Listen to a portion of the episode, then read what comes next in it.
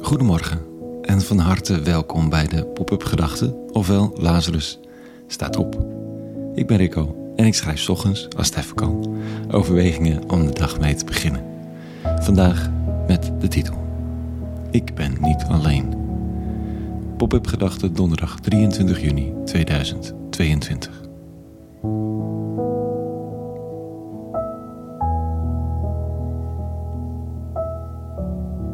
Daar zat ik dan, net aangekomen in Bologna, Italië.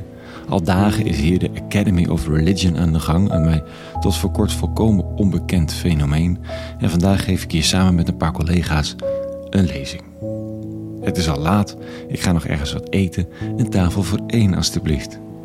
Italiaanse wijn, pasta, prima.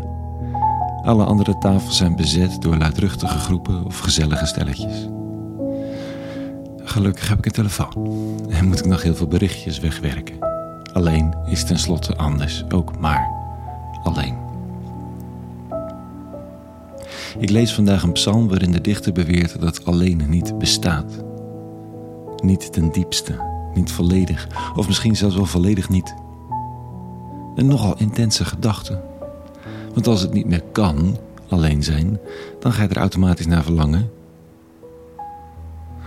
als je echter je over kan geven aan deze vorm van never nooit niet alleen zijn, zou het ook wel eens heel veel kunnen betekenen. Dit staat er. U kent me, Heer, en u doorschouwt me. U ziet me waar ik ga of sta.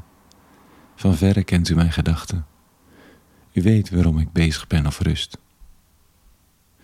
U let op al mijn wegen want wat er in mij is, hebt u geschapen.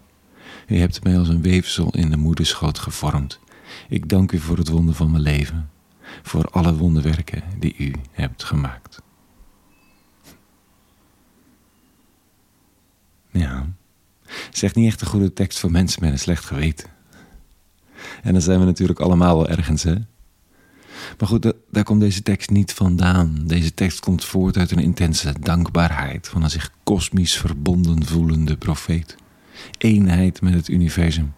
Dat we sommige een pilletje of een paddenstoel voor nodig hebben, deze dichter heeft het gewoon. Gezien zijn, geliefd, volledig.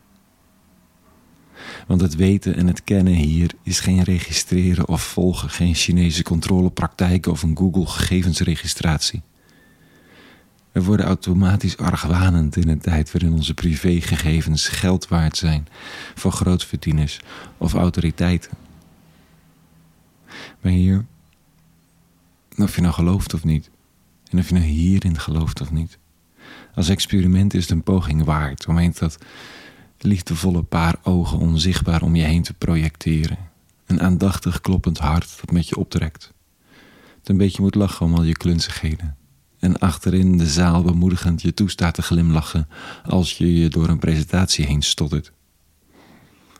Die naast je op de stoeprand zit als je weg bent gelopen om even alleen te zijn, weg van iedereen. En die dan, heel belangrijk, stil is.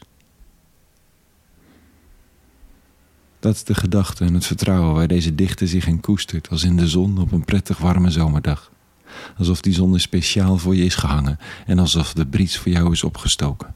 Zo gezien zijn. Als ik de tekst lees en herlees, geloof ik het weer even. Of misschien moet ik zeggen, dan voel ik het weer even. En dat voelen is niet het allerbelangrijkste, het is alleen even prettig. En het geloven, dat is er wel, maar het is lang niet altijd present. Op een ochtend als deze is het een zegen om zo'n tekst te lezen en herlezen om ondanks alle in ons ontwikkelde argwaan op zoek te gaan naar die omarmende liefde in die aanwezigheid. En het in te ademen.